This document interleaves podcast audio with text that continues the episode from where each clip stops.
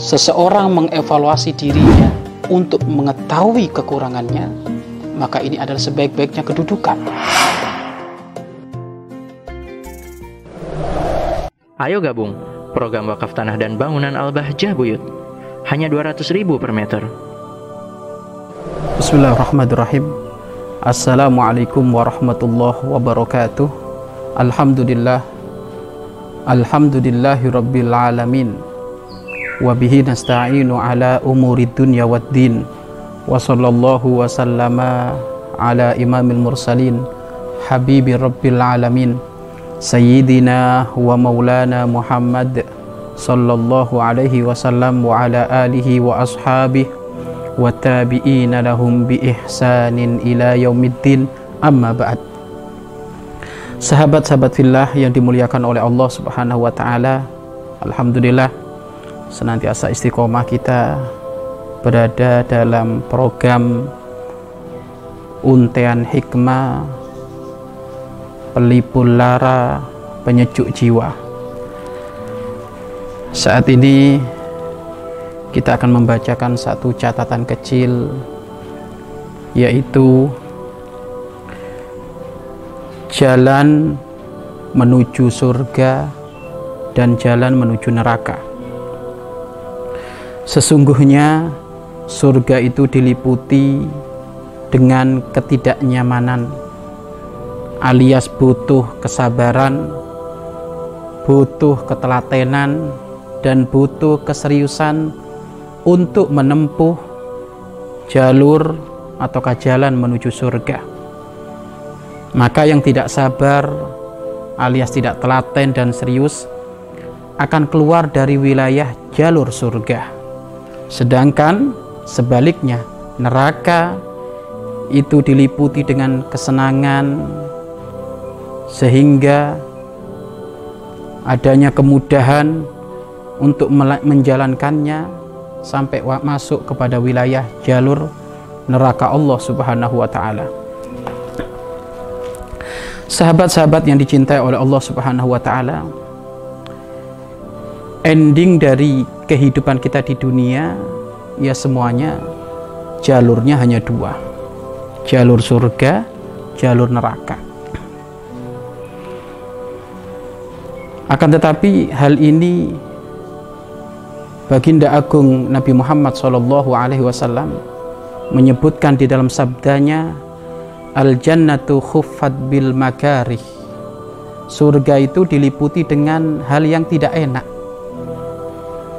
sebaliknya an-naru khuffat bisyahawat akan tetapi yang namanya neraka jalur neraka ini diliputi dengan kesenangan kecocokan dengan hawa nafsunya maka jalur menuju surga ini tentu butuh adanya kesabaran, keuletan, ketelatenan, keseriusan di dalam kita menapak satu tahap demi tahap menuju wilayah jalur surga Allah Subhanahu wa taala.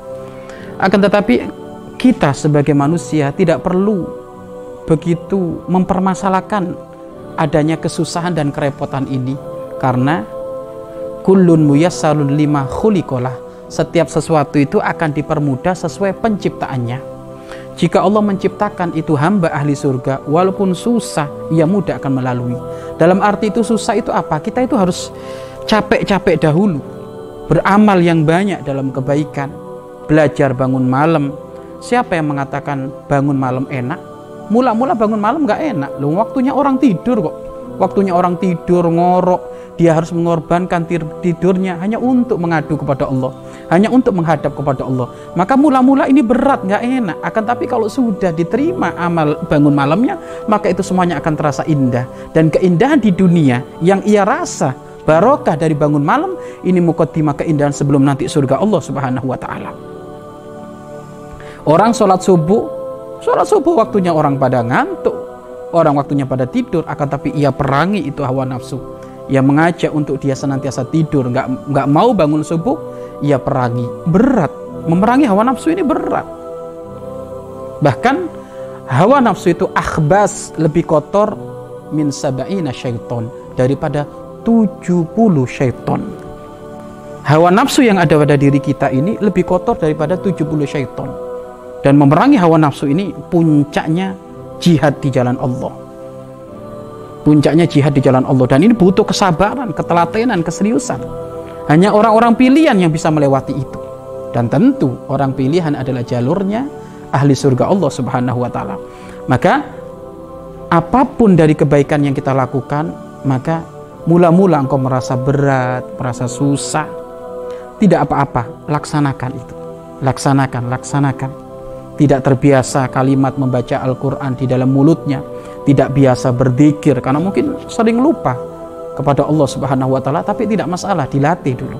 Dilatih, dilatih, dilatih sampai nanti menjadi kebiasaan. Akan tetapi sebaliknya jalur menuju neraka, oh cocok dengan hawa nafsunya. Cocok dengan hawa nafsunya. Nggak punya duit tuh dipaksain ngutang-ngutang hanya pengen judi tidak punya duit dipaksain ngutang-ngutang bahkan ngambil yang haram untuk mabuk. Tidak punya duit dipaksa-paksain untuk ngambil punya orang tuanya hanya untuk zina. Nah, untuk bilang mindalik. Kenapa dia begitu semangatnya? Iya, karena cocok dengan hawa nafsunya. Inna nafsala ammaratun bisu. Karena hawa nafsu mengajak pada kejelekan. Kecuali hawa nafsu mutmainnah. Karena cocok dengan hawa nafsu itu merasa nggak nggak berat. Beda dengan surga. Surga, masya Allah setiap hari promo untuk menghadiri majelis, setiap hari promo untuk infak, setiap hari kelihatan mata itu masjid tempat kita sujud, tapi berat itu semuanya. Seakan-akan ia membawa satu karung semen yang isi 50 kilo di saat dia harus duduk di majelis ilmu. Di saat dia harus duduk ada di masjid. Padahal jelas langkah kaki menuju masjid sebenarnya jika dipaksa sangat ringan, masih berat seorang tukang yang memanggul semen. Tapi kenapa begitu susahnya? Iya, karena tidak cocok dengan hawa nafsunya. Maka dari sini pemirsa, sahabat-sahabat fillah yang dimuliakan oleh Allah Subhanahu wa taala, kita istiqomah di jalur surga dengan memerangi hawa nafsu kita. Capek, sabar hendaknya harus menjadi prioritas bekal kita untuk menuju surga Allah Subhanahu wa taala. Maka ayo kita biasakan untuk kita memerangi hawa nafsu kita. Kita biasakan untuk memerangi kekotoran-kekotoran hati kita. Kita biasakan untuk memerangi kemalasan-kemalasan kita. Karena biasanya penyakitnya orang di dalam ibadah kepada Allah kadang ada rasa malas. Rasa malas itu menghinggap bukan hanya kepada kelas orang awam saja, kadang juga kepada orang-orang yang yang punya ilmu pun kadang kemalasan itu ada. Lu memerangi kemalasan ini berat. Berat sehingga para ulama ada yang mengatakan, perangilah kemalasanmu itu dengan engkau banyak puasa, perangilah kemalasanmu dengan engkau sering ngambil wudhu, perangilah kemalasanmu dengan engkau engkau motivasi dirimu bahwasanya adakah orang ahli surga malas? Adakah orang yang ingin dekat dengan baginda Nabi Muhammad malas? Surganya katanya ingin satu atap dengan Rasulullah, tapi kemales tah? Apakah Rasulullah malas? Enggak baginda agung Nabi Muhammad Sallallahu Alaihi Wasallam termasuk pribadi yang tidak malas. Beliau senantiasa istiqomah di jalur surganya Allah Subhanahu Wa Taala. Sampai beliau di, di saat bangun malam kakinya bengkak. Di saat beliau membaca Al-Quran sampai nangis. Infak sedekahnya pun tidak kira-kira begitu banyaknya. Lah kita bagaimana kita ini maka ayo tidak apa-apa. Mula-mula mungkin kita beribadah kepada Allah tidak ada rasa yang ada adalah berat-berat nggak apa-apa. Sabar sabar. Sampai nanti dikirim oleh Allah rasa kenikmatan di dalam kita ibadah kepada Allah subhanahu wa ta'ala. Begitu juga sebaliknya jalur menuju neraka yang katanya cocok dengan, dengan hawa nafsu yang katanya ringan nggak enak eh, katanya ringan enak nggak perlu kita ikuti. Nggak perlu kita ikuti. Walaupun enak nggak perlu kita ikuti. Walaupun ada fasilitasnya nggak perlu kita ikuti. Mungkin ada tem seorang teman sahabat karib tiba-tiba dia memfasilitasi kepada itu sahabat eh ayo kita zina. Ini tak bosin ini tak kasih duit ayo zina. Walaupun dimudahkan kayak gitu nggak perlu kita melakukan. Kenapa? Ingat dibalik kenikmatan sesaat di dalam pelanggaranmu kepada Allah akan menghantarkan kesusahan yang berkepanjangan yaitu di neraka Allah Subhanahu wa taala. Maka hati-hati. Lebih baik kita mengambil kesusahan sedikit sabar menjauhi ini menjauhi kemaksiatan untuk mendapatkan kenikmatan yang abadi yaitu surga Allah Subhanahu wa taala. Maka jangan sampai kita hanya mengambil kenikmatan sesaat mengorbankan kenikmatan yang sangat hebat di hadapan Allah Subhanahu wa taala. Maka ayo kita bersabar di dalam mendekatkan diri kepada Allah. Sabar bangun malam, sabar menata hati, sabar agar supaya ikhlas, sabar menjauhi kemaksiatan, sabar jaga mulut, sabar jaga mata, sabar sabar. Inilah jalannya orang-orang pilihan. As-sabru jamil, sabar itu adalah indah man sobaro dhofar yang sabar akan beruntung dan kesabaran itu tidak ada ujungnya sampai nanti kita menghadap kepada Allah Subhanahu wa taala. Dan kesabaran ini bermacam-macam, tetapi intinya adalah orang yang menuju surga Allah Subhanahu wa taala hendaknya di dalam aktivitas kebaikan hendaknya penuh dengan kesabaran. Karena kalau tidak masuk wilayah kesabaran, khawatir kita masuk wilayah buru-buru. Sehingga wilayah buru-buru yang masuk kepada wilayah hembusan tipu daya setan. Setan ini punya punya punya tabiat untuk mengganggu manusia dengan sifat berburu-buru. Sehingga kalau orang sudah berburu-buru dia tidak akan mengerti kualitas ibadahnya. Yang penting jumlah rokaatnya yang dikejar. Yang penting jumlah wiridnya tapi kualitasnya nggak ada. Betapa banyak orang hanya mengejar mengejar jumlah saja, tapi kualitas tidak ada. Akan tapi kalau ibadah dilakukan dengan kesabaran, kesabaran itu adalah mukaddimah dari khusuknya ibadah. Sabar melakukan ngambil wudhu sabar, menutup aurat penuh dengan kesabaran, melangkahkan kaki ke masjid penuh dengan kesabaran, artinya dinikmati pelan-pelan pelan-pelan, maka di sini akan muncul kualitas ibadah yang sesungguhnya, yaitu kualitas ibadah yang diterima oleh Allah Subhanahu wa taala. Hawa nafsu yang jalannya jalurnya menuju neraka walaupun enak nggak perlu kita ikuti. Walaupun enak nggak perlu diikuti. Bahkan andaikan ada orang menawarkan kepada kita sok kamu keluar dari wilayah iman Islam tak kasih kamu duit satu triliun. Siapa yang nggak nggak mau duit satu triliun? Satu miliar aja mungkin mau bagi orang yang mungkin lagi susah. Tetapi kalau ternyata enak menjadikan kamu keluar dari iman ya nggak ada perlunya. Duit satu triliun itu lakunya hanya di dunia tok. Di akhirat nggak laku. Jangankan di akhirat di alam barzah itu nggak nggak laku. Jangankan di alam barzah ente mati di dunia belum dikubur. Duit satu miliar satu triliun itu nggak laku maka hina di atas hina. Kalau ada orang menggadaikan keimanannya gara-gara dengan rupiah, hina di atas hina itu orang itu. Penjilat di atas penjilat itu.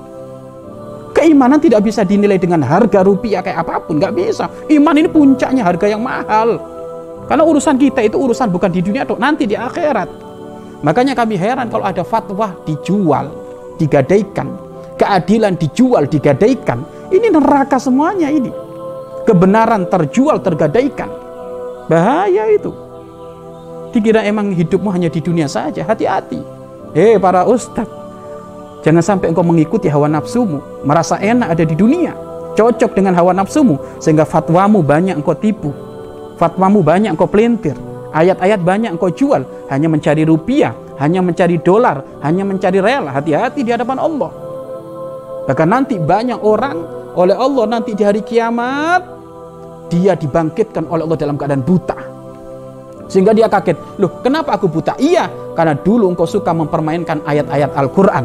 Ayat-ayatku engkau, permain, engkau permainkan. Al-Quran engkau, permain, engkau permainkan hanya untuk memenuhi hawa nafsumu. Dan itu adalah kebutaan hati. Maka sekarang kau buta, badan kau dulu di dunia adalah melek. Bisa melihat. Makanya orang yang ngerti ilmu, faham halal haram, tetapi kok tidak diamalkan malah yang haram dikatakan halal maka dia telah menjual agamanya. Dan ini adalah mengikuti hawa nafsu. Enak dia dapat duit enak dia dapat fasilitas. Mungkin enak dia dapat jabatan dari bosnya. Mungkin enak dia dapat urusan dunia. Tapi ketahuilah dunia berapa tahun? 60-70 tahun. Setelah itu engkau akan binasa. Di alam kubur engkau akan disiksa oleh malaikat mungkar nakir hati-hati hati-hati. Makanya ahli Allah tidak pernah bergeming dalam urusan dunia. Ahli Allah kalau sekarang ditawari ahli Allah, lebih baik engkau mana? Lebih baik engkau memilih beriman kepada Allah ataukah duit satu triliun?